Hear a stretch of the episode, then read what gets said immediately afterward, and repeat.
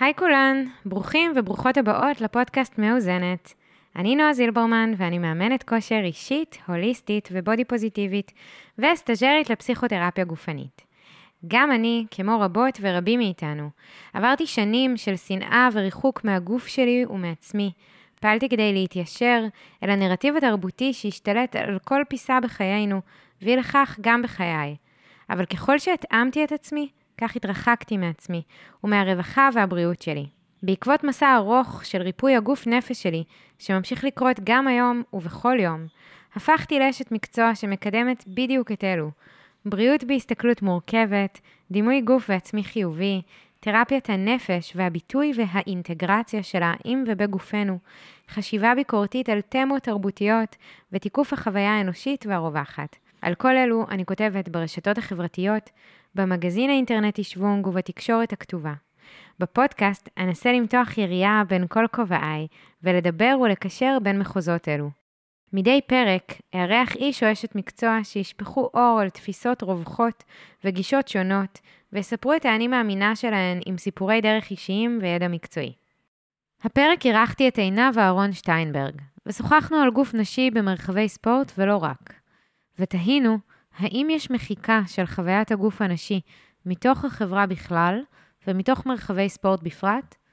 האם יש נתינת מקום לידיעה שלנו את עצמנו, או שמא רוב האוכלוסייה והנשים בה חיות בניתוק מן התחושות שלהן?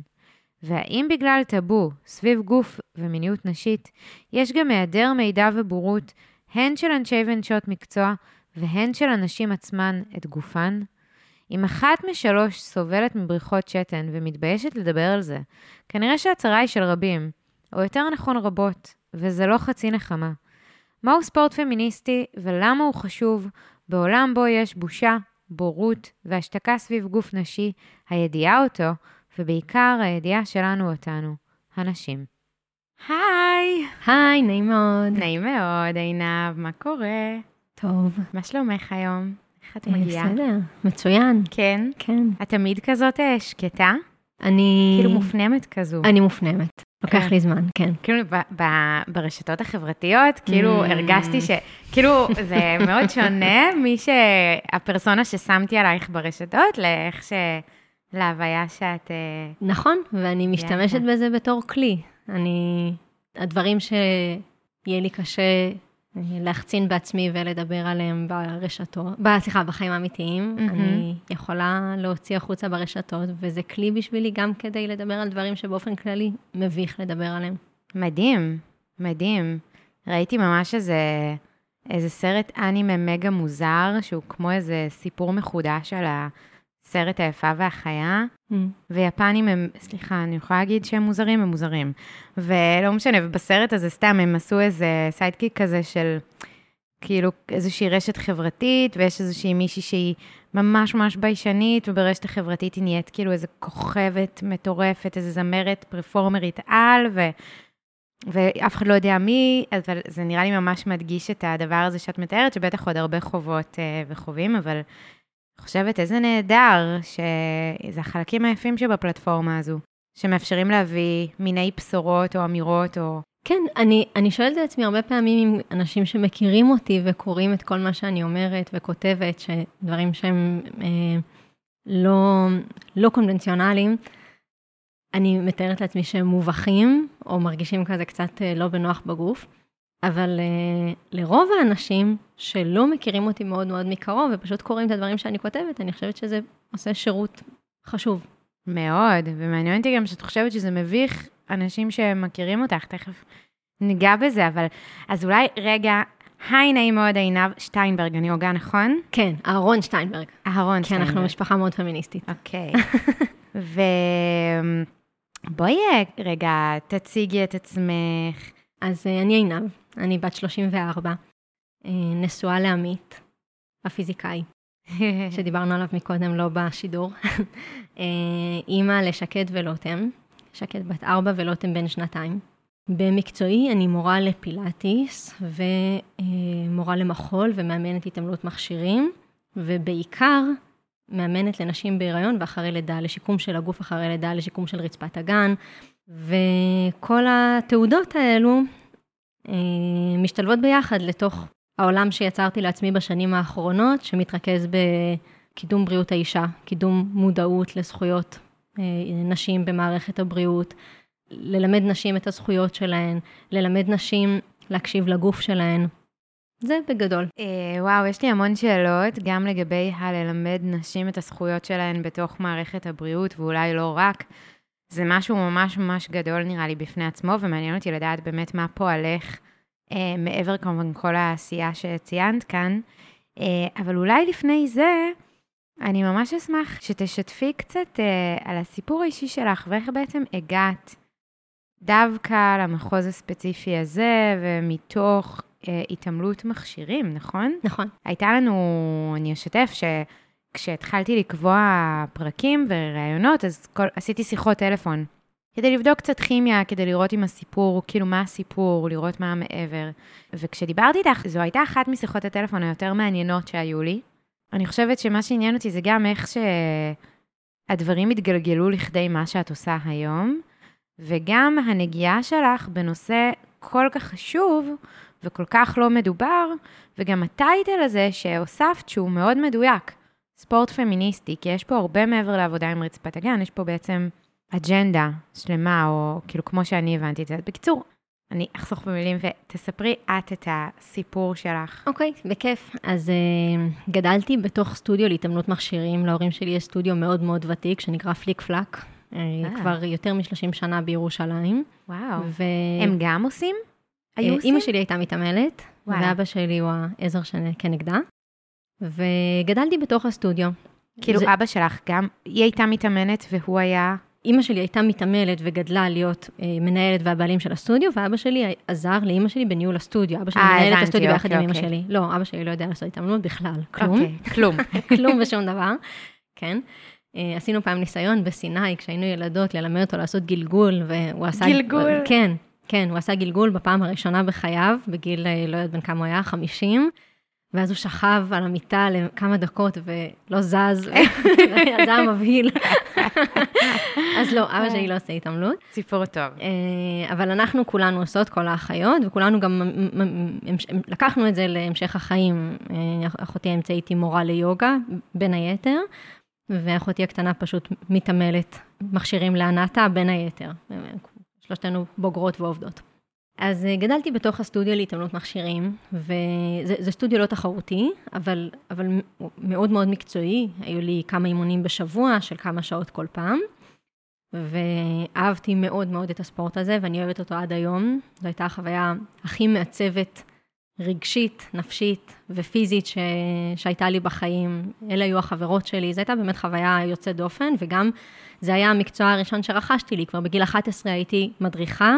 בהתעמלות מכשירים תעודות, מקבלים תעודות מאוד מוקדם, אז עוזרת מדריכה כבר בגיל 11, הייתי, אה, עזרתי בלנהל קבוצות. וואו. אז uh, התעמלתי המון המון שנים, ו... ולאורך כל אותן שנים היו לי דליפות שתן, מגיל מאוד מאוד צעיר. מאיזה גיל בערך? הייתי אומרת אולי אה, שבע. וואו. כן, מגיל מאוד מאוד מוקדם. בעצם, בעצם מהגיל שהתחלתי, אולי קצת יותר מאוחר, אולי שמונה, מהגיל שבו אה, כבר הייתי עושה אימונים מאוד אינטנסיביים, עם הרבה קפיצות, עם הרבה mm-hmm. נחיתות. פשוט הייתי חוזרת מאימון עם, עם אה, בגד גוף ופי, ותחתונים ספוגים פיפי, אבל אה, לא היה לי שמץ של מושג שקוראים לזה דליפת שתן, ולא חשבתי שיש פה איזושהי בעיה. כן. ובאמת, הפרדוקס הגדול, אפרופו ספורט פמיניסטי, לא ש... האמת שאני לא מכנה את זה ככה, אבל זה בהחלט מה שאני עושה. אז אני הלבשתי על זה וחשבתי שאת... קוראת לזה ככה? אני לא קוראת לזה ככה, אבל זה מה שאני עושה. זהו, אני, אני זה כאילו לי בראש, זה היה כאילו, זה, זה הניימינג שלך, זה השם של העמוד בראש שלי, אז כאילו. נכון, אז אני, אז אולי אני צריכה לאמץ את זה. תוסיפי אותו כן. לזה. כן, אולי באמת. הפרדוקס הגדול הוא שעברתי עשרות מאמנות, מאמנים, מדריכות, מדריכים, גם עם ההתאמנות מכשירים, גם אה, התעמלתי באתלטיקה בצורה מקצועית, התחרתי בתחרויות ארציות, אה, גם למדתי באקדמיה למחול, אני, אני מורה למחול, עברתי דרך עשרות מאמנים, מאמנים ואנשי גוף, למדתי הכשרת פילאטיס, אני מורה לפילאטיס, התאמנתי בפילאטיס המון המון שנים, ומעולם, אף פעם, אף אחד לא אמר, אפילו לא בשבילי, לא, לא, לא, לא מכוון אליי, אף אחד לא דיבר בכלל על רצפת הגן ועל נזקים שיכולים להיות ברצפת הגן, ובין היתר על דליפת שתן. שזה מטורף. והגעתי לגיל מכובד בהחלט, בלי לדעת שיש לי בעיה. בזמן שאני מאמנת נשים וגברים ומתעסקת בשיקום ועושה, אה, מאמנת בעצמי הרבה הרבה סוגים של פעילויות של, של, של אימון גופני. אני גם יודעת שבקורס, בקורס פילאטיס, ג'וזף פילאטיס דיבר על רצפת הגן, אבל בגלל שהוא גבר, mm-hmm. ובגלל שהוא היה בעצמו מאוד מאוד ספורטיבי, והוא הגיע לייסד את השיטה אחרי שהוא התנסה בהמון המון סוגים של ספורט, אז אני חושבת שפה פשוט היה לו איזשהו פספוס ב- בלדייק את, ה- את העניין של רצפת הגן כי שוב, הוא התייחס אליה בשיטה, אבל הוא לא נכנס לעומקה כמו שהוא העמיק. הוא העמיק ב... כאילו מאוד ב... בשרירי ליבה וכולי, אבל הוא לא נגע כן, כל, כל שיטת כך... פילאטיס מבוססת על שרירי ליבה, ש... שגם זה, זה, זה שאול כמובן מהיוגה, מהמולה בנדה, אבל הוא, הוא פיתח את זה לרמה האנטומית שאנחנו מתעסקים בה היום, אבל הוא לא התעסק בצורה ספציפית ברצפת האגן, שהיא הרצפה של שרירי הליבה. ואני יודעת שכשאני הייתי הולכת לשיעורים ושומעת מדריכות מדברות על רצפת הגן, זה תמיד נורא עצבן אותי. כי היה ניכר, בגלל שאפילו שכבר אז הייתי צעירה כשהלכתי לשיעורי פילאטיס, אבל כבר אז היה לי הרבה ניסיון בהדרכה, כי התחלתי להדריך מאוד מאוד מוקדם, וכבר אז זה צרם לי חוסר המקצועיות ש... כשאני שומעת מדריך או מדריכה שמדברים על רצפת האגן, ושברור לי שהם בעצמם לא מבינים מה הם אומרים. כן. סיסמאות כאלה. תכווצי את הזה, תרגישי שזה ככה, זה כמו לעצור פיפי, זה כמו, אין ירידה לעומק. כן. עכשיו, זה ממש בניגוד מוחלט להעמקה המשוגעת שיש בשיעורי פילאטיס, היא ההתעכבות על כל דבר ודבר, איך הנשימה השרפתית אמורה להתבטא בגוף, איך היא אמורה להיראות, איך היא אמורה להרגיש, ואיך כף הרגל. ולגבי העניין הזה של רצפת האגן, ממש יש, אה, כאילו, זה, זה השתקה.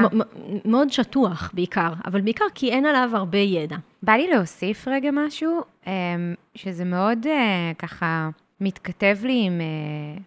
גם עשיתי פעם איזושהי כתבה לשוונג שעסקה בספורט נשי, הדברים שאנחנו לא מדברות עליהם. ובעצם יש איזושהי חוויה, אני חושבת, בכלל בחברה שלנו, של השתקה על הגוף הנשי, כמו למשל פרסומות וסת, שאנחנו מצופות אה, לקפץ לנו עם בגדים לבנים ולהתחבק אה, עם חברות בזמן שאנחנו בתחתונים, וכל מיני דברים כאלה שאנחנו לא עושות. ובעצם לשטח את המקום הזה של כאילו הגוף הנשי, ועל אחת כמה וכמה כשזה מגיע באמת אה, למחוזות הספורט, בעצם השאלות ש... שעלו לי ושכתבתי בכתבה שכתבתי, זה מין, מתי פעם אחרונה הגעת לאימון? שרוב הנשים או הנשים בכלל הולכות לאימונים קבוצתיים, נאמר, ואמרת, אני אה, לפני וסת או אני בווסת וכואב לי החזה, אני מבקשת לא לקפוץ, או אני לא יכולה לעבוד עכשיו עבודת בטן כי כואב לי הרחם, ועוד ועוד. אז אני מרגישה שגם זה, אפרופו העובדה הזו שיש סטטיסטיקות משוגעות של אה, נשים שסובלות מדליפת שתן, ואו לא יודעות שזו בעיה, או מתביישות לדבר על זה.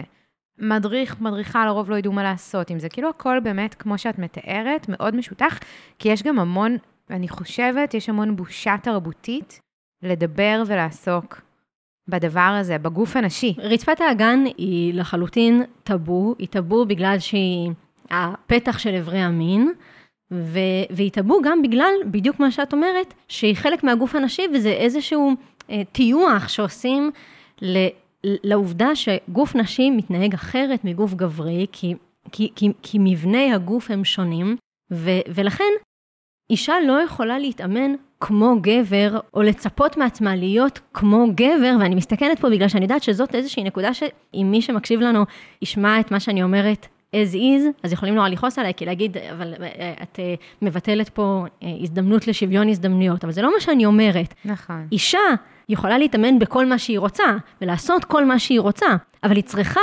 להיות ערה לגוף שלה. היא לא יכולה להיות ערה לגוף של הגבר שלידה. נכון. כי אלה ציפיות ודרישות מאוד מאוד שונות. נכון. גם להבין אולי מהו התג מחיר שאת משלמת כשאת לא בקשב ובעשייה שהולמת את הגוף שלך ואת מצביו המשתנים. נכון, וספורט הישגי, mm-hmm.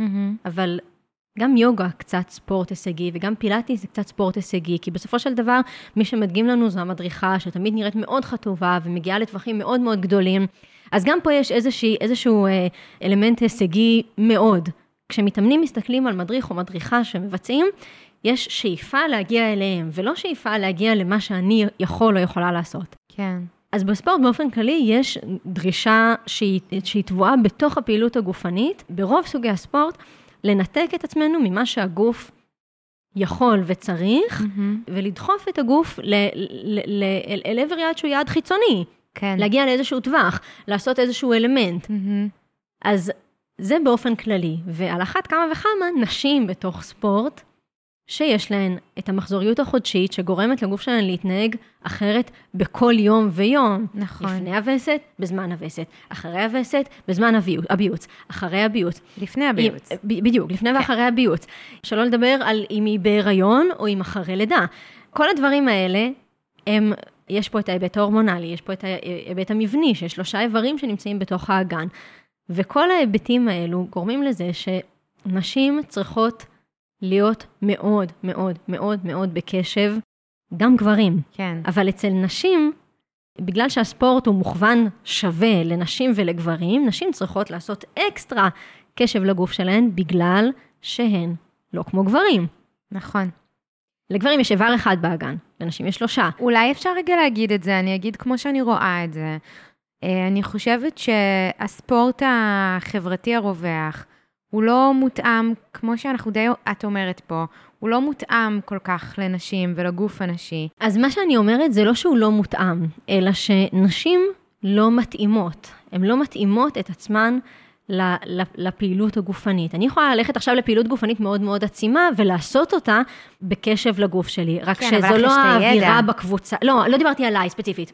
אני מתכוונת, באופן תיאורטי זה אפשרי לקחת, זה, זה, זה האימון המיטבי בעיניי, לקחת, לא משנה איזה אימון, אם זה רי- ריקוד, אם זה אימון עצים, אם זאת ריצה, לא משנה כן. מה, ולהתאים אותו לגוף שלי, רק שאנחנו, אני חושבת שלזה אני מתחברת למה שאת אומרת, חברתית, אנחנו לא, לא, לא במודעות בנוח בכלל, ולא במודעות גם. לזה ש, שצריכה כן. להיעשות התאמה. זה, זה, זה, זה העניין, אבל אני חושבת שכשאני אומרת שבספורט החברתי הרווח אין התאמה או התייחסות מספקת לגוף הנשי, אני חושבת שהאחריות על להביא את זה למודעות ועל ללמד את המודעות, זה בתפקיד המורים, מורות. אני כל כך מסכימה איתך. וכשהמורים והמורות בעצמם לא מודעים ולא יודעים, אז איך אה, מיכל תדע שהיא שלושה חודשים אחרי לידה, והיא מגיעה לראשונה לשיעור סטודיו ב Holmes Place, ו... ואומרים לה לקפוץ מצד לצד, כי זו קבוצה המונית, וגם אין את התנאים, וגם אין את הידע, וגם אין את הדרך לאכוף ולהתמודד, אין התייחסות גם. זאת אומרת, אני מרגישה שזה גם זה שבאמת יש הרבה בורות סביב הנושא הזה, וגם הרבה בושה. אז לגבי הבורות, אני גם רוצה להגיד משהו. מדריך או מדריכה שידברו עם אישה על, ה, על המחזוריות שלה ועל קשב לגוף שלה, מסתכנים בלהישמע מאוד ווירדוז ומחבקי עצים כאלה, ומה מה זה כל הרוחניקיות הזאת שאת מכניסה Mm. לי לתוך האימון. אז אני, אני רוצה לומר, אני, מעניין יש המון אומרת. מאמנות ומאמנים שמאוד מאוד מדגישות ומדייקות את האימון ככה שהוא יהיה מוכוון לגוף של כל איש ואישה שמשתתפים. זה לא שזה הספורט כולו. אבל באמת, אני חושבת שהרוב המכריע של מדריכות שאני פגשתי, ואני פגשתי הרבה, כי אני עכשיו מעבירה הכשרות למדריכות. ב- בתחום של אימון גופני לנשים בהיריון ואחרי לידה, והרוב המכריע של מדריכות לא יכולות, בנקודה שבה הן מתחילות, לא יכולות בכלל להרגיש שום הזדהות לדברים שאני מדברת, ולוקח להן הרבה זמן להיכנס לזה, בגלל שזה לא, זה לא בדיפולט שלנו, לא מלמדים אותנו בבית ספר על, על המחזוריות שלנו, אף על פי שהיא מגיל 12, והיום הרבה, הרבה קודם גם. אני קיבלתי בכיתה ה'. בכיתה, אבל- והיום אומרים גם הרבה קודם, לגמרי. כן, וואו. אבל לא מלמדים אותנו לעומק. יכול להיות שלימדו בשיעורי ביולוגיה את הכמה שיעורים, אבל אמורה הייתה להיעשות הכנה ממש ממש עמוקה לנשים. מרגע שהן נהיות נשים, וגם קודם, חינוך מיני, הרי, הרי היום כן. מדברים על חינוך מיני כבר מגיל שנתיים. הבת שלי יודעת כבר מה זה וסת, היא בת ארבע. מדהים. אני חושבת שמה שאני שומעת אותך אומרת פה, ואני גם מאוד uh, מסכימה, תקני אותי אם זה לא מה שאת אמרת ואני לא מדייקת את זה, אבל זה יש תרבותית, לא רק בנוגע לספורט, אלא בכלל איזשהו היעדר שיח על הגוף הנשי ועל מערכת הרבייה שלו ועל תופעות רווחות שקורות לו וקורות לנו, ויש המון חוויית בושה סביב הדבר הזה, אני יכולה להגיד כמישהי שקיבלה וסת בגיל צעיר, כמה היו צוחקים עליי על זה, ומתוך הדבר הזה גם נוצר איזשהו ניתוק של נשים מהגוף שלהן, כי מצופה מאיתנו פשוט to deliver את החיים, כאילו, את בווסת, כואב לך ממש, קחי כדור, תעבדי. את אה, אחרי לידה, קדימה תחזרי לג'ינס. את בכלל אף פעם לא מתעסקת עם רצפת האגן שלך, עם חיבור לסייקל שלך. כמה נשים אני מכירה שהיו על גלולות שנים, בכלל אין, אין בכלל סייקל, אין לי שיפוטיות על זה, כן? אבל זאת אומרת, יש ניתוק, גם אינפורמטיבי וגם פרסונלי של נשים מהגוף שלהן, אה, ויש הרבה בושה להביא את השיח הזה, בטח ובטח במרחבים אה, שיש בהם הרבה אנשים, או שיש גם נשים וגם גברים, וזה רגע אימון, וגם ככה ספורט זה משהו שהוא מביך להרבה אנשים, ונשים בפרט להיראות בבגד צמוד, להזיע לזה. אבל בא לי, כאילו, כמובן תדייקי אותי אם אני טועה, אבל אחרי זה גם ממש בא לי רגע לחזור לסיפור שלך, כאילו מה שככה המשכנו בשיח, וזה באמת מעניין, אבל בא לי רגע לחזור לנקודה שבה פתאום הבנת מה קרה לך שם עם רצפת האגן, ואיך הגעת לעסוק בדבר הזה שאת עושה היום. אז אני רוצה רק שנייה לפני הסיפור, לחזור לסיפור שלי, להתייחס למה שאמרת, כי אני מאוד מאוד מסכימה, אבל אני רוצה עוד יותר, הניתוק הוא לא רק בספורט. כן, לגמרי. החיים המודרניים, החיים המערביים, כנראה שלנשים וגברים, אבל אני מכירה את הצד הנשי, כי אני מכירה את, ה, את ההיבט של להיות בהיריון בחברה המערבית, ללדת בחברה המערבית, ולגדל ילדים בחברה המערבית, שבה יש כללים מאוד מאוד סדורים לגבי איך הדברים צריכים להיות. החל מבהיריון, את מאוד מאוד מנוהלת, מה מותר לך לאכול, מה אסור לך לאכול, שתית אלכוהול, דפקת תינוק שלך, זה חדר לשליה, זה הזה, אל תעשי ככה, אל תעשי ככה, אלף ואחד דברים. כן. שאני אף פעם לא הזדהיתי איתם, ו, ועשיתי את ההיריון שלי כמו שהיה נראה לי לנכון, ולא הקשבתי לכל הבלבולי מוח האלה. מדהים. שהם מלחיצים. שיש לך ו... את הסמכות הפנימית הזו להקשיב לעצמך, אבל פתאום כשאת אומרת זה, אני מבינה כמה, בעצם כמה התרבות המערבית, וגם המדיקליזציה שנעשית על הגוף שלנו, במיוחד סביב הריון ולידה, היא פשוט uh, מנתקת את האישה מהסמכות הפנימית שלה, מהקשר נכון, ולגוף שלה. כי, כי מה קרה? יש פה באמת איזושהי בעיה בהבנה פשוטה. כשאדם חולה, או כשאדם פגוע וצריך איזושהי התערבות רפואית, כמו ניתוח, או במקרים האלה הרפואה יכולה להתייצב לצידו. אבל אישה בהיריון היא לא חולה, היא פשוט עוברת תהליכים שהם, כן. שהם פנימיים בגוף שלנו. ואישה בלידה היא לא אישה חולה, והיא מתאשפזת בבית חולים, מתייחסים אליה כאל אישה חולה, היא לא אישה חולה. אנחנו נשים בריאות ואנחנו עוברות תהליך שהוא טבעי ונורמלי. כן. לידה זה תהליך טבעי ונורמלי כמו לעשות קקי, כמו זה... והנה, עכשיו יש את כל הדיון הזה, שכבר לא מאמינה שיש מי שלא שמע עליו, על זה שמאגרי האפידורל, אצל החברה ש, שמייצרת אפידורל, מאגרי האפידורל נגמרים. זה אומר שאין אפידורל זמין לא לניתוחים באופן כללי ולא ללידה. זה עומד לקרות בקרוב. די, לא כן, ידעתי. כן, כן, לגמרי. וואו. כל השיח סביב אפידורל, אני חושבת ש... שהוא היה צריך להיעשות אחרת לגמרי. כן. אפרופו חינוך, אפרופו לדבר מגיל אפס. אני חושבת שהיה צריך, או שצריך, להסביר לנשים מגיל מאוד מאוד צעיר, שמי שמתכוונת ללדת, מה יקרה בגוף שלה, ואיזה כלים יש לגוף שלה להתמודד עם לידה, כי מעבר לאפידורל, שהוא אמצעי חיצוני להתמודד עם הכאב, יש לנו אמצעים פנימיים להתמודד כן. עם הכאב, ובכלל לא לחוות אותו ככאב, לחוות אותו כ... כהרבה מאוד תחושות, הכאב הוא לא הפוקוס המרכזי. Mm-hmm. כשבן אדם חיצוני מסתכל על אישה יולדת, מה שהוא רואה זה כאב. מאחר ורוב הרופאים המיילדים ורוב הגינקולוגיה היא, היא מורכבת מגברים, אז זאת, ככה נתפסת mm. החוויה. מסתכלים, המבט כן. החיצוני היא בכאב, צריך לטפל לה בכאב. יש לנו אמצעים פנימיים שטבועים בנו כדי להתמודד כן. עם הלידה. וגם אישה שלוקחת אפידורל, זאת אומרת, גם, גם, יש נשים שבוחר, שבוחרות לא לקחת אפידורל, אבל גם מי שכן לוקחת אפידורל, היא לוקחת אפידורל לא מהשנייה הראשונה, עדיין יש לה כמה שעות טובות שהגוף שלה בצירים, והיא צריכה לדעת שהגוף שלה מסוגל להתמודד עם הכאב. יש, יש כן. אה, אה, אה, הפרשת חומרים בגוף שמסוגלים להתמודד עם הכאב, וגם לגרום, יש להפרשה של החומרים האלה הרבה יתרונות. להתקדמות הלידה. כן, שגורמים ללידה, וגם להעצמת האישה בתוך הל- הלידה. נשים מרגישות מאוד מאוד מועצמות בזמן הלידה בגלל הורמונים שמופרשים להם בגוף.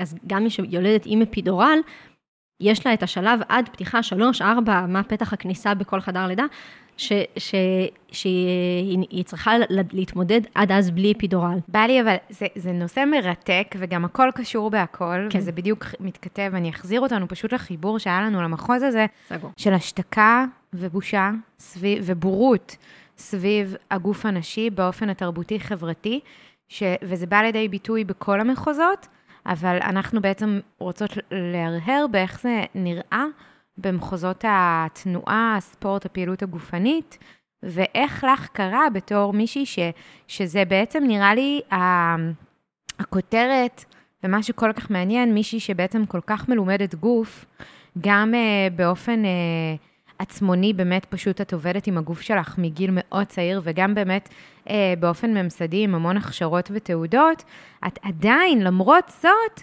וגם את אישה שהיא ניכר שכנראה תמיד היה בך איכויות של קשב, פנימה וכולי וכולי.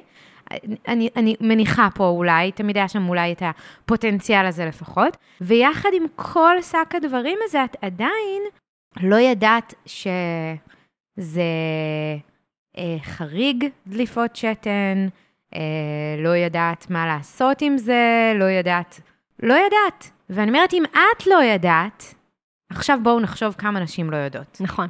הרוב, או חלק באמת גדול, אחוז מאוד גדול. אה, נראה לי מספרית מעל גיל... אה, לא מעל גיל. אני חושבת שהיום... בריחות אה, שתן? טוב, יש סטטיסטיקות יש שונות. סטטיסטיקות של הסטטיסטיקה גילאים שאני שונים. מכירה היא אה, אחת לשלוש נשים סובלת מדליפת שתן. כן. אז בעצם אני, אז קודם כל רגע לשים פה את זה על השולחן, שאני חושבת שזו הוכחה חיה לזה שמה ההשלכות של תרבות שלמה שמשטחת ו, ומשתיקה ומביישת אה, מודעות לגוף הנשי. כי כשאין מודעות חברתית, גם מאוד קשה שתהיה מודעות אישית. אני מסכימה. ואני, טוב, אז באמת אני גם אחזור לסיפור האישי שלי. אז בא לי באמת לחזור לסיפור האישי שלך, ואיך הגיע הרגע המזוקק הזה שבו פתאום הוארת, מה שנקרא, אה, תרתי משמע. כן, בסדר גמור. כאמור, התאמנתי המון שנים, ומגיל מאוד צעיר היו לי דליפות שתן, גדלתי לתוך הדבר הזה, ולכן לא הבנתי שיש לי איזושהי בעיה. ואז הגעתי לפילאטיס בעקבות פציעה שעברתי בצבא, ודי מהר, תוך כדי שהתחלתי את השיעורים להתאמן בעצמי, הבנתי שזאת שיטה פשוט מדהימה, ושאני רוצה ללמוד אותה, ומהר מאוד עשיתי את ההכשרה של הפילאטיס מזרון, ואחר כך את הפילאטיס מכשירים.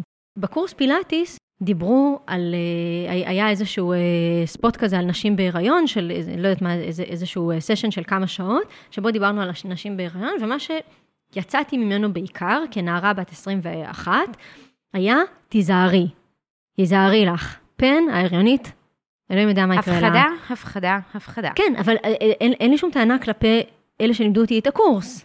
זה ההוואי, זה ה vibe. כן, נשים כן. בהיריון זה משהו מסוכן, ועלול כל רגע לקרות משהו, ושלא תשכב על הגב, שלא תשכב על הצד, השליה עלולה להיפרד, כאילו באמת פחד אלוהים. בתור בחורה צעירה, כשסיימתי את הקורס הייתי בת 22, זה היה פשוט מפחיד. כן. ו- ואז הדרכתי כמה שנים בצורה הזאת, עם פחד נוראי. כשהייתה נכנסת אישה בהיריון לשיעור, באמת הייתי, חיל ורעדה. באמת הייתי מתפללת באמת שהשיעור יצליח להסתיים. ו- ו- ושוב, יואו. היה אני לי מזדהה עם זה, אגב, ניסיון- כמאמנת, כאילו, היום לא, אבל כמובן, בת- ב- מאמנת צעירה, אני מאמנת מגיל 23, גם, אותו ממש מספרת. מגיעה אישה בהיריון, אני אומרת, "מ, בואי נלך על ההליכון בקצב 4, ופה זה ייגמר. מה אני אעשה איתך? הכל איסורים, איסורים, הפחדות, הפחדות. אז יש פה באמת פספוס נוראי, נוראי, נוראי, כן. נוראי. כי בשיעור, בקורס פילאטיס לימדו אותנו מאוד מאוד לעומק איך להתנהל עם אדם שיש לו כאבי גב. איך להתנהל עם אה, שין ספליט, איך להתנהל עם, אה, עם אה, יציבה לא טובה. יש לנו את היכולת להסתכל על האדם בכל מה שקשור להיבט השיקומי, ולנתח איך נהפוך את התרגיל ככה שהוא יהיה מתאים בדיוק לגוף, וככה צריך להיות אה, מבט על אישה בהיריון. אז רגע אחד אני שם את זה בצד, כי אני פשוט אספר מה שקרה. הגעתי, אה, אח- אחרי כמה שנים כאלה, הרגשתי שזה זה כל כך לא מקצועי מצידי, שזה המענה שאני נותנת לנשים בהיריון, ועוד פעם, גם כבר היה לי למה להשוות, כי בתחומים, בתחומים אחרים הרגשתי מאוד מאוד מקצוענית, ופה, גם בפילאטיס, הרגשתי שאני עושה את זה מאוד מאוד טוב, ומאוד מאוד התחברתי לשיטה ועשיתי אותה מכל הלב. וכשהגיעה לי אישה בהיריון לשיעור, המענה שלי היה טכני ומפוחד. ואז נרשמתי לקורס ששינה את חיי, אה, של אימון לנשים בהיריון ואחרי לידה, והכנה תנועתית ללידה. והתחלתי את הקורס הזה, והמשפט השלישי של, ה... של המרצה בקורס היה על רצפת הגן, ואז פשוט נפל לי סלע ענקי על הראש, ופשוט אמרתי, איזה מפגרת את. איזה מפגרת את. וואו. יש לך דליפות שתן, 26 שנה, לא, לא 26, כי אז הייתי בת 26, אה, אה, יש לי דליפות שתן משהו כמו, אז זה היה משהו כמו 20 שנה, ולא השכלתי להבין את זה. וזה כזה מטומטם, כי אני מאמנת, איך זה יכול להיות שאני מאמנת כן. ולי יש דליפות שתן. זה היה פשוט, כל כך צחקתי על עצמי, זה היה פשוט, פשוט רגע, באמת רגע מכונן. אבל את יודעת, בא לי רגע להגיד שזה, שכאילו אמרת, כל כך צחקתי על עצמי, ואני כזה, אני מרגישה אבל שזה לא פייר לשים את האשמה על עצמך כמו על עצמי, כמו על עצמנו, כי כל מה שאמרנו, כי תרבותית יש הדרה והשתקה ובושה ובורות, ואיך נדע? איך ידעו? איך, גם אם יודעות, איך ידברו כשיש כל כך הרבה בושה סביב הנושאים הללו? כן. אז אני אומרת, זה, זה, זה לא, זה, זה לצחוק אולי על, על העולם, על החברה, על ה... כאילו... כאילו, אני ממש מסרבת לשים את האשמה עלייך כזה. אני לא מאשימה את עצמי. כן. בשום צורה. אני גם לא מאשימה את מי שאימנו אותי. אימנו אותי באהבה וגידלו אותי, באמת גידלו אותי. כן. אבל uh, לא היה את הידע, ו- וזה, וזה נושא שהוא טאבו. מי מדבר על דברים כאלה? זה לא ראוי. מי מדבר על רצפת הגן? מי מדבר על דליפות שתן? מי מדבר על בריחות של, אה, של אה, גזים, על, על, על פלוצים מהפוט? מי מדבר על הדברים האלה? נשים לא הולכות לשיעור יוגה בגלל שיוצא להם גז מהנרתיק. זה מביך אותם. כן. זו תופעה נורמלית, ואפשר להתמודד איתה. בקיצור, באותו הרגע השתנו לי החיים, ומאותו הרגע האימון שלי תפס כיוון אחר לגמרי, ומאז עברתי עוד הכשרות לאימון אה, אה, ספציפי סביב מעגל החיים הנשי, ולליווי נשים בהיריון ולידה, ומאז השתנתה לי כל המתודולוגיה.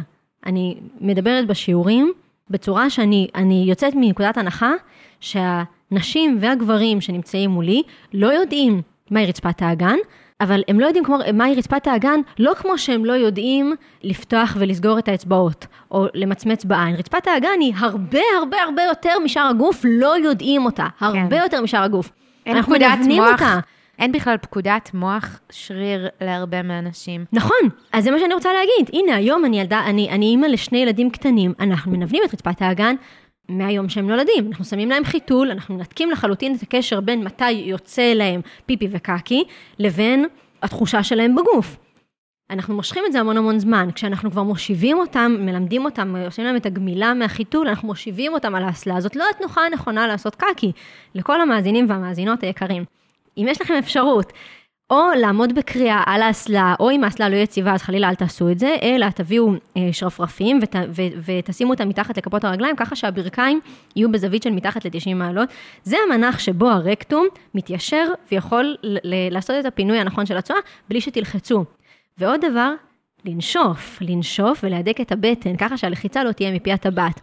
אנשים מתייחסים לדחורים כאילו שזה גזירת גורל. דחורים כן. אחרי לידה. אה, יש לי דחורים. זה לא חובה, לא חובה שיהיו דחורים, לא אחרי אה, לידה, ולא, אחרי שאנחנו, ו- ולא בגלל הצירויות, אם אנחנו נלמד לעשות קקי בצורה נכונה. אבל האסלה נבנה אותנו. ועוד דבר שניוון אותנו זה כל הרהיטים המקסימים שיש לכל אחד מאיתנו בבית, כיסא, ספה. אנחנו כל הזמן יושבים, אנחנו חברה שיושבת. כן. בגלל שאנחנו יושבות כל הזמן, יושבות ויושבים בעבודה, באוטו, ב, אה, על אופניים, רצפת האגן שלנו לא מתמודדת בכלל עם העומס האנטומי הבסיסי של האיברים בתוך הגוף שלה. אז למה שהיא תדע להתמודד איתם אחר כך פתאום בריצה? למה? אין שום סיבה. Mm-hmm. צריך ללמד את זה. אז כשאנשים אומרים, מה פתאום ללמד את זה? זה חלק מהגוף שלנו, למה, זה, זה אמור להיות משהו טבעי, אבל זה לא טבעי, כי את רצפת האגן אנחנו מנוונים בצורה קבועה. את כל הגוף שלנו, אגב. נכון, לגמרי. הכל. כאילו, אני בא לי כזה להוסיף רגע שיש עוד מלא השלכות מטורפות לתרבות היושבנית, נכון. אה, שגם אני לוקחת בחלק, כאילו... שזה עומס על החוליות, ובאמת ניוון כללי של הגוף, וזוקפי הגב, ועוד ועוד, ומנחי צוואר. לגמרי, ליושבנות. אין סוף, יש שפע. ישבנות היא, אני חושבת ש, שארגון הבריאות הבינלאומי הגדיר אותה ב-2020 בתור המגפה הכי גדולה של, ה, של המאה. כן. ו, וההשלכות שלה הן קשות מאוד. זה, זה לחץ דם, זה בעיות לב, ו, ובאמת באספקט שלי, ב, ב, ב, לא באספקט, בנישה שלי, זה העניין של לידה ושל רצפת הגן. כן. כי, כי אלה, אלה הנישות שבהן אני מקבלת אחר כך את המתאמנות שלי, או לפני הלידה או אחרי לידה. וכשמדברים על סטטיסטיקה של אחד משלוש, אז, אז, אז זה נראה כזה קצת, אה, זה, בקיצור, לא תמיד מבינים. הנקודה היא שכל מתאמנת, כל מתאמנת שמגיעה אליי, או בהיריון או אחרי לידה, יש לה איזשהו עניין עם רצפת האגן.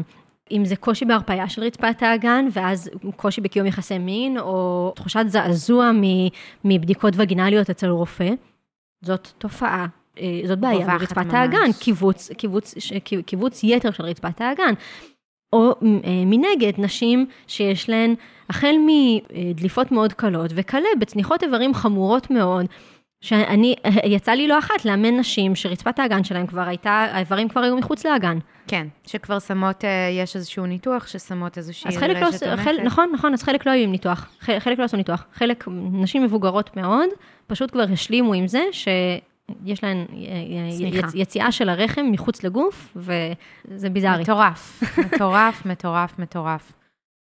אז בעצם, כשאת היום מעבירה שיעור, וגם אני עושה רק אימונים אישיים, אז אני תוהה, זה, זה נראה לי באמת מאוד מאתגר לעשות uh, הנגשה של הדבר הזה בשיעורים קבוצתיים, גם באספקט, גם באספקט של כאילו כמות הדגשים והלדייק, וגם באספקט של בושה והחופש של המתאמנת להרגיש בנוח לשתף אותך, כי אני נניח, אני תמיד זה כזה, הסקירת שאלות הראשונה שלי באימון ראשון זה תישול מקיף, ואני שואלת uh, על רצפת האגן, האם יש בריחות שתן, או היו, וכולי וכולי, לידות, רעיונות, עניינים.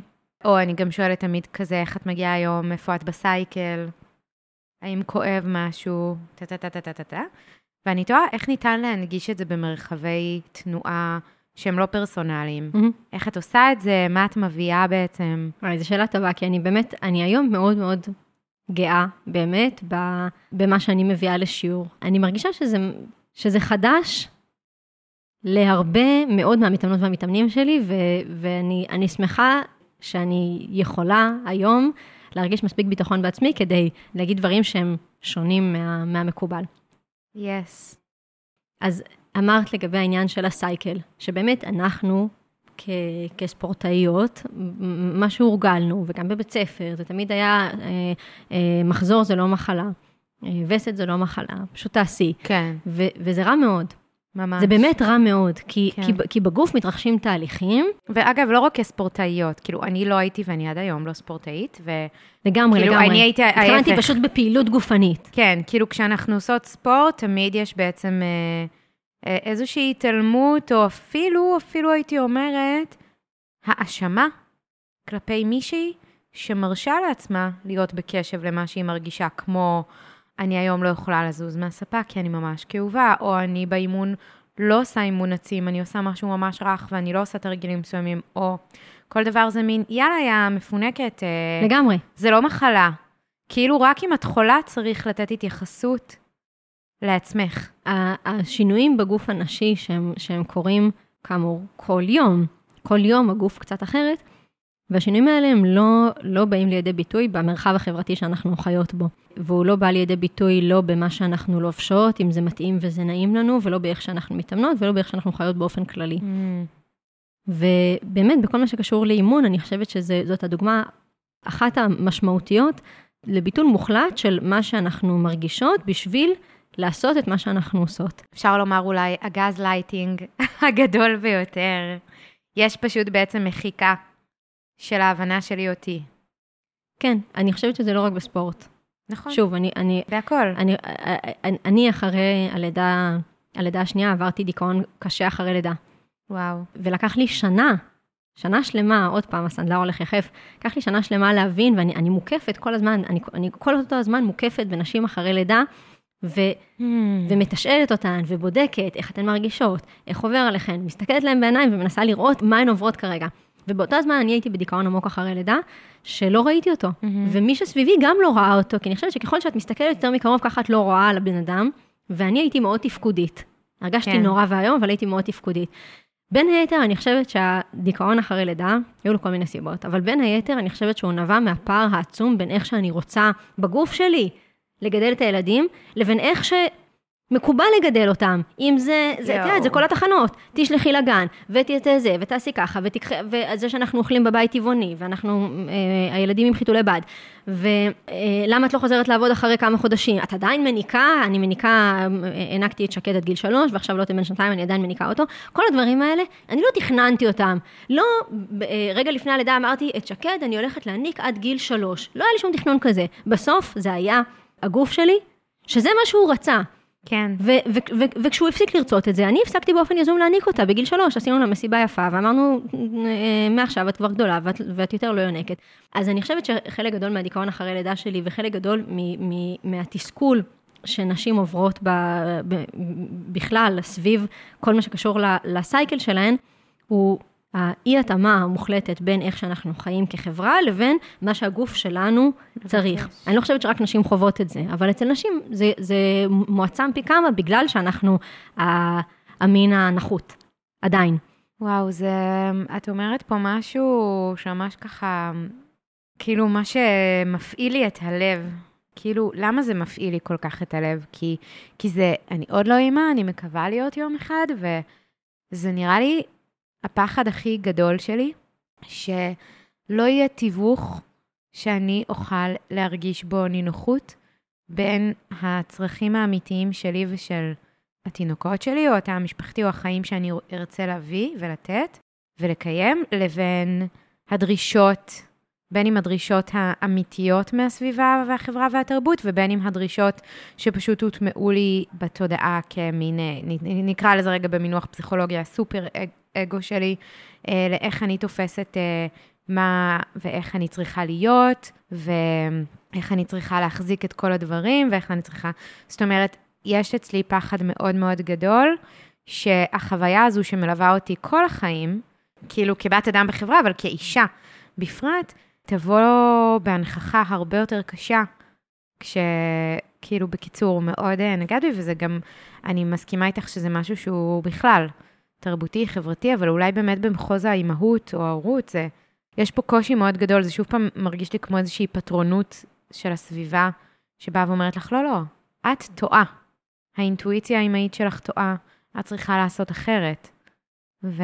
זה נכון.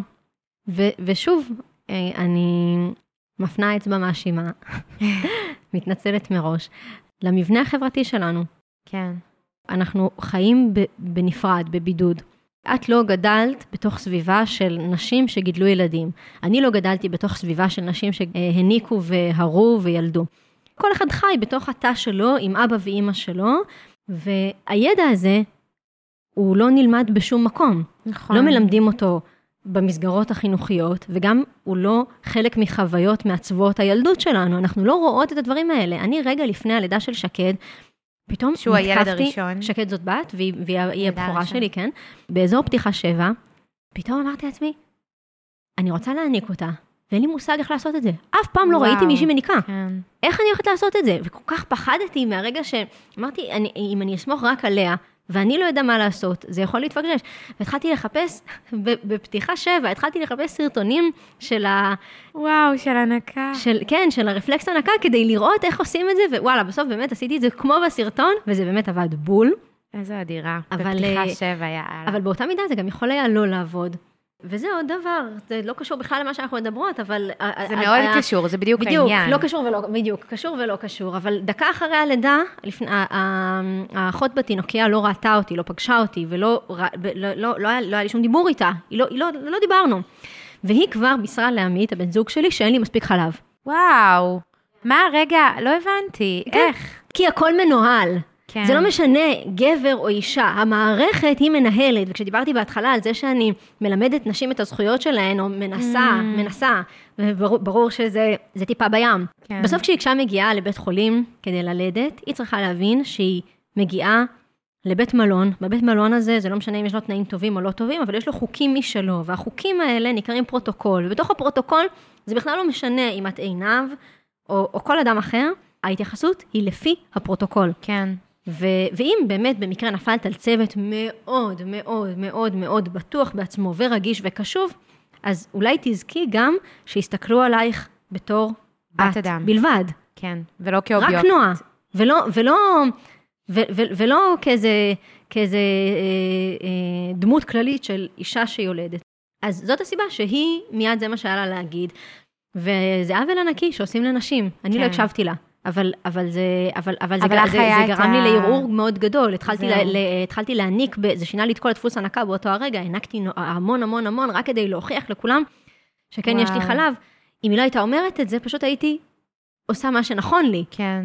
אני רוצה רגע לומר, ואז גם להחזיר אותנו שנייה לספורט וגם לארוז, יש לנו, כאילו, זה פשוט נורא מעניין, בא לי כזה להמשיך מלא, אבל, אבל אנחנו צריכות uh, לסדר. אז אני רק אגיד בנוגע למה שאמרת, שאני חושבת שהמקום הזה של uh, הריון, לידה, סייקל, מערכת הרבייה, uh, בין אם את מחליטה להיות אימא ובין אם את מחליטה שלא להיות אימא, אני מרגישה שזה מין חוד החנית לביטוי של ההתעלמות, או אולי אפילו הביטול והמחיקה שיש לגוף הנשי ולחוויה שלנו אותו, ולהחלטה שלנו עליו, אה, מתוך ידיעה פנימית. יש איזשהו ניתוק שלנו מעצמנו, מהידיעה הפנימית שלנו אותנו, וכמו שמות ושמים עלינו אה, חוקים, כמו שאמרת, כמו איזשהו פרוטוקול חיצוני, ופשוט במחוזות האלו של ממש לידה או אימהות, או שם זה מאוד מאוד ניכר. ואני חושבת שאני שמעתי, כמאמן, אני מאמנת אישית כבר אה, כמעט עשור עוד מעט, וכמות הסיפורים שאני שמעתי על טראומה בעקבות אלימות מיילדותית, שזה גם מינוח ש... אה, לא יודעת כמה מכירות אותו. טראומה בעקבות באמת אה, לידה שהייתה יכולה להיראות אחרת, כי יש פרוטוקולים בבתי חולים, כי אין התייחסות לסובייקט ועוד ועוד. לא רוצה להשחיר פה צוותים רפואיים ואת כל בתי החולים, אבל זו חוויה שקורית הרבה. אז אני חושבת שפשוט שם זה בא מאוד לידי ביטוי, ואני רוצה רגע להחזיר אותנו גם למקום של איך זה בא לידי ביטוי בספורט ואיך את... אה, מה את עושה אחרת, ואולי גם להוציא את המאזינות עם איזה שנקל לדרך על מה את ממליצה להן לעשות כדי uh, להיטיב עם עצמן ועם הגוף הנשי שלהן במרחבים של uh, פעילות גופנית, ואולי לא רק. טוב, אלימות מילדותית זה בכלל נושא שאני היום עמוק בתוכו ומתחילה ללמוד אותו ממש כן.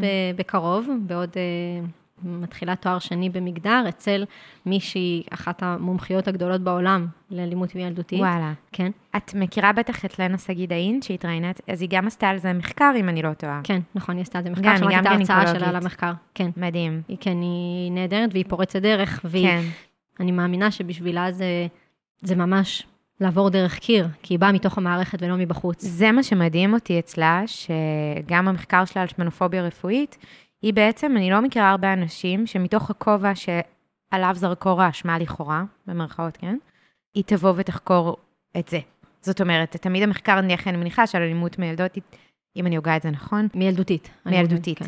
אני מניחה שה, שרוב העיסוק בזה, או החקירה של זה, דווקא לא תגיע מתוך גינקולוגים. נכון. אה, והיא ממש פורצת דרך גם בהיבט הזה, כמה יכולת לקחת אה, הסתכלות עמוקה פנימה.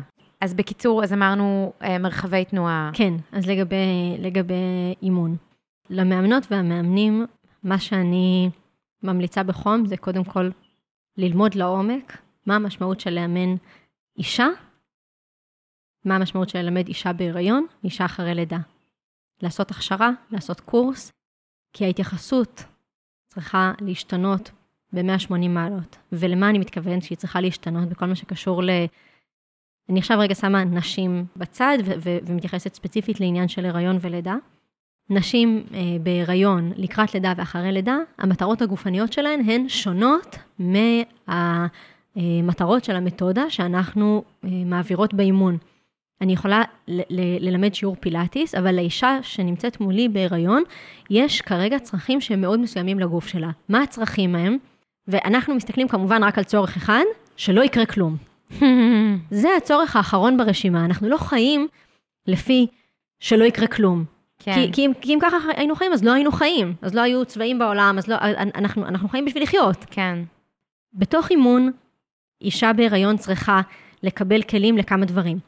א', לגוף המשתנה שלה, אה, שהשינוי של היציבה מחייב אותה לעשות עכשיו התאמות גופניות, וגם, בהתאם לזה, גם להתמודד עם כאבים שנובעים משינוי היציבה. התרחבות של האגן, תנועתיות בתוך האגן, כפיפה של גב עליון, החזה שמאוד גדל, הבטן שמאוד מתנפחת, כל הדברים האלו צריכים לקבל התייחסות באימון, כי הדברים האלה הם אלה שמכתיבים את האורח חיים שלה מעכשיו ועד הלידה. המטרה השנייה שלה היא להתכונן ללידה. האישה הזאת צריכה לקבל כלים לאיך לדעת ללדת. כי היא לא מקבלת את הכלים האלה בבית, כי אנחנו חיים בקוביות בטון ולא, בדיוק, ולא בתוך חברה, אנחנו לא רואות נשים יולדות. האישה הזאת לא ראתה כנראה סרטונים של לידות, או אולי אם היא ראתה, נהדר.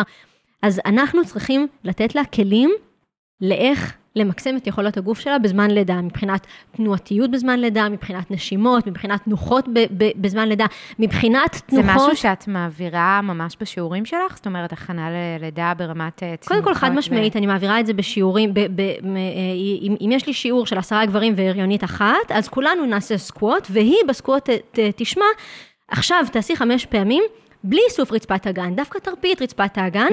ותנשפי נשיפה איטית וארוכה, כי זה אחלה מנח לזמן ציר, וזה גם כן. מנח ללידה אם תהיי בלי פידורל. עכשיו עוד דבר, טוב, אני לא זוכרת סטטיסטיקות, אני יודעת סטטיסטיקות של, של בתי חולים ספציפיים, אבל הנקודה היא שרוב הנשים נולדות עם, ילדות עם אפידורל. כן. תנועתיות עם אפידורל היא נורא נורא משמעותית. כי בלי אפידורל, הגוף של האישה והגוף של התינוק הם נעים ב, ב, בריקוד משותף, והגוף אחד של השני נותן פידבק. כן. מה שגורם להפרשה של ההורמונים, ומה שגורם לתינוק לרדת בצורה הנכונה ולהיכנס בצורה הנכונה לאגן. כשאת עם אפידורל, את סטטית. כן. לתינוק יש עבודה קשה יותר, ובמנח שהוא לא מנח... עם כוח לא, לא מנח נוצ... ניצב בדיוק. אה, ולכן יש לו עבודה קשה יותר לעשות, וזה נורא משמעותי ללמד את האישה. רגע, אולי זה משהו להגיד למאזינות, כי אני חושבת שהרבה לא יודעות את זה, שלשכב על הגב זה לא המנח הטבעי נקרא לזה, וגם לא המנח המיטיב. ללידה, בוא נאמר, ללא אפידורל. אגב, אני מניחה שאת בטח יודעת, או זה, שפעם ראשונה שהמנח הזה קרה, זה כשאחד הלואים, המלכים, רצה לראות את uh, אשתו יולדת. נכון. אז הוא ביקש שישימו את אותה במנח מסוים בלידה, כדי שהוא יוכל לראות את התינוק שלו מגיע לעולם, וכך זה התחיל כמנח אז מלכותי. אז רגע, אני רוצה לחדד אבל את מה שאת אומרת. כן. עם אפידורל אין אפשרות אחרת למעט שכיבה. כן. השכיבה הנכונה תהיה שכיבה על הצד. Mm-hmm. ולא על הגב. כי מה שאנחנו רוצות זה לאפשר לתינוק שלנו להתברג בתוך האגן. ברגע שאנחנו שוכבות על האגן, אנחנו חוסמות שלושה מפרקים. אנחנו מקטינות את נפח האגן בכמה עשרות אחוזים טובים. כזה משוגע ש... ועדיין? ועדיין. ועדיין משכיבים על הגב, בהחלט, בהחלט. ולכן, אם את עם אפידורל, אז שני דברים שאני הייתי רוצה שאת תדעי, ושני דברים שאני רוצה שהמאמן של, של, שלך ידע. א', אם את עם אפידורל, תנסי לשכב לא על הגב, אלא על הצד, וזה מוכר בכל בתי החולים, כל בתי החולים יכולים לעשות את זה, אבל אם לא תגידי את זה, יש סיכוי שהם גם לא יגידו את זה מעצמם. כן. יכול להיות שכן ויכול להיות שלא. והדבר השני, ללמד את המלווה או המלווה שנמצאים איתך, להניע אותך בזמן הלידה. זה אומר לגלגל בתנועות עדינות את המותן והאגן, זה אומר לתפוס את הברך ולעשות איתה תנועות מעגליות שעושות מניפולציה על כן. האגן. בעצם אנחנו רוצות לגרום לגוף שלך ל- ל- לעזור לתינוק לרדת לצאת. במורד האגן, גם אם את סטטית. בא לי אבל רגע, אנחנו ממש צריכות לסיים, ובא לי שתתני כמה דגשים לנשים בכלל, לא רק אה, הריוניות או יולדות, אלא נשים בכלל, איזה דגשים היית מזמינה אותן להביא את תשומת הלב שלהן עליהן אה, כשהן מגיעות למרחבים אימוניים? אוקיי. Okay. מה חשוב לדעת? מה חשוב לשים לב? אין להן הכשרה של מאמנות, או שהן לא, אין להן איזשהו קשב מיוחד שהן פיתחו עם השנים. מגיעה למרחב אימוני, מה היית מציעה לעשות כדי להיטיב עם, עם עצמה? אוקיי, okay, תודה על השאלה הזאת. אז הדבר הראשון שאני מבקשת מכל מתאמנת ומתאמן, ועכשיו אנחנו מדברות על נשים, אבל mm-hmm. זה, זה נכון גם לגברים, הוא להפנות את התשומת לב לאיך אני מרגישה היום. האם יש לי איזשהו כאב? האם יש משהו שמציק לי? האם... אה, אני עכשיו עם הפצעים האלה בשפתיים, יש פצעי קור בשפתיים, וזה גורם לי להיות עצבנית בשבוע האחרון, ואני צריכה להבין עם עצמי שהדבר הזה גורם לי להיות עצבנית כדי להתנהל בהתאם. אז הדבר הראשון הוא להיות בקשב אל עצמנו, ולראות האם יש איזה שהם דברים שכדאי להגיד אותם. אם אני היום אה, אה, יותר חלשה, או אם אה, בגלל הווסת כואבת לי הבטן, או שאני פשוט מרגישה מאוד נוקשות. אגב, זה גם ישנה את דפוס האימון עבורך. למשל, אם את מרגישה נוקשות בבטן, יכול להיות שהמאמנת שלך תרצה להמליץ לך על פיתולים, וזה יכול לעזור לך כדי לסחוט את הרחם. Mm-hmm. זה הדבר הראשון. אז זה אולי גם איזשהו משהו להגיד, שאם את מרגישה משהו, תשמחי על מה שאת מרגישה. את לא ממציאה, את לא מפונקת, את לא סתם, את לא סתם עייפה, את לא סתם אין לך אנרגיה. יש לנו הרבה פעמים איזושהי תחושה שאני סתם עצלנית. לא, את לא סתם עצלנית. תשמחי על מה שאת מרגישה, אל תטאטי אותו. נכון. מתחת לשטיח. נכון מאוד. תני לו מקום. לגמרי. כן גם יכול להיות שדרבון, לצאת לאימון, יעשה לך הרגשה מאוד מאוד טובה. Mm-hmm. אני מאוד בעד שתתאמני, כן. אבל... בהתאמה, פשוט בהתאמה. נכון. אז זה הדבר כן. הראשון. הדבר השני, אה, ספציפית מה, מהעולם שלי, להיות ערה לאיזה שהם ליקויים ברצפת האגן. למה אני מתכוונת? אם את מרגישה שיש לך קושי בקיום יחסי מין מבחינת החדירה, קשה, החדירה עצמה קשה לך, או אם את מרגישה שיש לך אה, עצירות באופן תדיר, או אם את מרגישה שיש לך קושי לעשות פיפי, שאת צריכה לדחוף את הפיפי החוצה כדי שהוא יצא, או אם יש לך דליפות שתן, את מסיימת, אה, את, את קופצת ואת רואה ש, שברח פיפי, את רואה שאת לא מצליחה להחזיק את הפיפי והוא יוצא לך פשוט באמצע.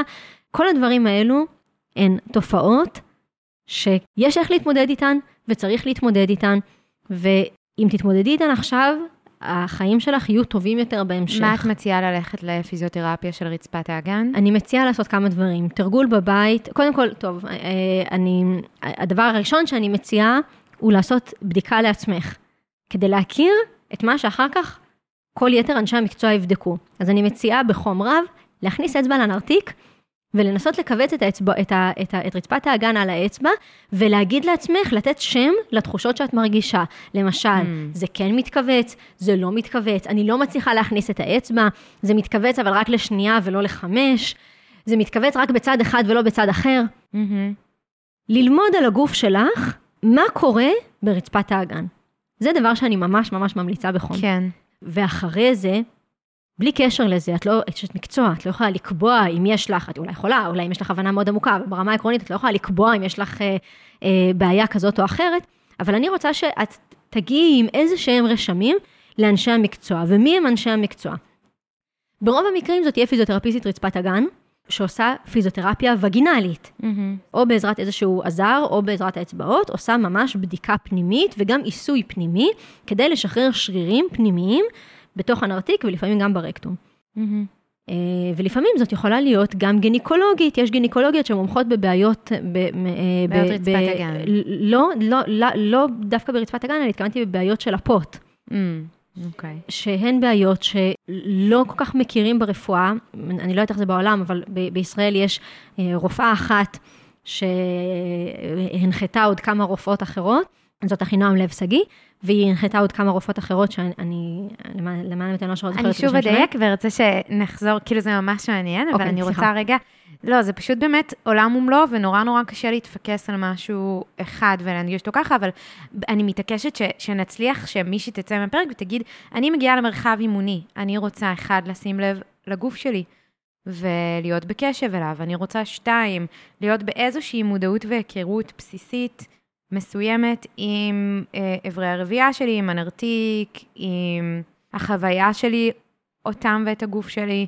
אז את מזמינה אותה בעצם, קודם כל לעשות היכרות ראשונית, באמת להכניס אצבע לנרתיק ולבדוק אה, האם אני יכולה לכווץ, לתת לזה שם, להיות באיזושהי היכרות. במידה ויש בעיה, את מציעה ללכת לאיש או אשת מקצוע רלוונטיים, שזה באמת או פיזיותרפיסטית או גינקולוגית שמתמחה בפוד. נכון. משהו בסגנון הזה, אבל בואי נחזור שנייה למרחב האימוני, אז את מגיעה עם איזשהן הנחיות או עם איזושהי בהירות מסוימת. מה, יש עוד משהו, עוד איזשהו דגש בתוך תנועה כן. לנשים? כן, יש דגש. לפני כל מאמץ שאת עושה, את אמורה לאסוף את רצפת האגן. Mm, בסיום כל מאמץ שאת עושה, את אמורה להרפות את רצפת האגן. Mm-hmm. יש דרך לעשות את זה, צריך ללמוד איך לעשות את זה, אבל ברמה העקרונית, כשאת עושה איזשהו מאמץ גופני, כמו להרים משקולות, כמו כפיפות בטן, כמו שכיבות צמיחה, כמו קפיצות, רצפת האגן שלך אמורה להיות אסופה אל תוך הפעילות ולהרפות ברגע שאת מחליטה שהיא צריכה להרפות. היא לא אמורה להיות מכווצת כל הזמן. כן. גם הבטן לא אמורה להיות מכווצת כל הזמן. אז אה, לאסוף רצפת אגן לפני מאמץ. ולשחרר בסוף המאמץ. ולשחרר. כן. ואני תוהה אם יש עוד, אה, עוד איזה סעיף שמרגיש לך אה, משמעותי. אז אני אוסיף משלי משהו. אני חושבת שמאוד אה, קל להיחטף למקום הזה של, בסדר, לא משנה, אני לא אדבר על זה. זה מביך אותי להגיד את זה. יש פה אנשים, המאמן הוא גבר, המאמנת היא אישה צעירה וחטובה ומה היא תבין. יש המון המון בושה להגיד, יש לי בריחת שתן, הרחם שלי כואבת, אני מדממת, החזה שלי כואב, פטמות שלי שורפות כי אני, אה, לא יודעת, בתחילת הריון או לפני וסת או כל דבר אחר. יש המון בושה. ומאוד קל להיחטף למקום הזה של פשוט להשתיק ולא לדבר, ואני בצד, אני אעשה מה שאני יכולה, אני פשוט לא אגיע לשיעור הזה, אני לא אגיע כשאני לפני וסת, לא יודעת, כל דבר. והייתי רוצה אה, לעודד את מי ששומעת, למצוא את הדרך כן לדבר את החוויה הגופנית והרגשית שלך, הרי הם אחד, ואם קשה לך להגיד את זה במרחב, בפרהסיה, אז אולי לבוא כמה דקות לפני אימון, אולי לתפוס את המאמן, מאמנת רגע, רגע בסוף שיעור מסוים ולהגיד לו, תשמע, קשה לי לבוא ולומר לך מה אני מרגישה, איך אפשר לעשות ש... שזה יהיה יותר מותאם, שלא יודעת. ואולי גם למצוא את המרחבים המתאימים שיגרמו לך להרגיש בנוח ולהביא את הדברים האלו. זה ממש ממש נכון. זה מאוד חשוב. ואני הייתי רוצה להוסיף על זה איזשהו מסר למדריכות והמדריכים. כן. הנשים שבאות להתאמן אצלנו, בסבירות מאוד גבוהה, אנחנו האנשי מקצוע שהיא תראה הכי הרבה לאורך החיים שלה. היא לא רואה פיזיותרפיסטית לאורך, בתדירות גבוהה, היא לא רואה רופא שמת, בנושאים האלו. ואני חושבת שזאת באמת האחריות שלנו. נכון. ללמוד היטב ולעשות את ההתאמה לאיך להתייחס לבעיות היומיומיות שנשים חוות, למאמנות והמאמנים, לשים על השולחן דליפות שתן, לשים על השולחן קושי ביחסי מין, זה נכון לגברים ולנשים. לנרמל את השיח. לא להתבייש בעצמנו. אבל איז... ממש להגיד את זה, כן, להגיד, להגיד כן. בזמן שיעור. אה, הפעולה הזאת יכולה להבטיח שרצפת האגן שלכם תהיה חזקה יותר, כדי שדליפות שתן יימנעו. אגב, מי שיש לה דליפות שתן, אני רוצה שתדעו שדליפות שתן, ולהגיד את הדברים האלה. יש לנו כאנשי ונשות מקצוע המון המון אחריות, אה, בטח ובטח במקומות שלא מדוברים, יש לנו אחריות לדבר אותם. נכון. עינב יקירה, היה לי לעונג, ואני מרגישה שיש עוד הרבה לדבר, אולי פרק נוסף בהתייחסות ספציפית להריונות ולידות, לא יודעת, מעניין. נשמח. אני רוצה להוציא פה ככה איזה מסר אחרון לפני שנסיים. את יודעת את עצמך הכי טוב, ואם תסכימי להתחבר למה שאת מרגישה, אז יהיה טוב יותר. ככה אני מאמינה לפחות, בכל המחוזות. צריך בעיקר אה, כאנשי ונשות מקצוע בכל התחומים, גם כפסיכותרפיסטית גופנית אני אומרת זה, בעיקר לעזור ללקוחות שלנו להתחבר לידע שלהן אותן, ולא לדעת עבורן עליהן. אולי, גם. ממש ככה. יס. Yes. יקירתי, היה לי תענוג, וממש ממש תודה שבאת, ונראה לי שאנחנו uh, כאן נסיים. תודה רבה. תודה. תודה שהייתן איתנו, ואם אהבתן את הפרק, מוזמנות לשתף אותו איפה ועם מי שנראה לכן שתתערם ממנו. למעקב אחריי ואחרי התכנים שלי באינסטגרם, אני נמצאת בנועה זילברמן 869, N-O-A-Z-I-L-B-E-R-M-A-N 869, ובפייסבוק בנועה זילברמן, מקף אמצעי, מאמנת כושר בודי פוזיטיבית. פרק יצא אחד לחודש, מוזמנים עוד לעקוב. נתראה בפרק הבא.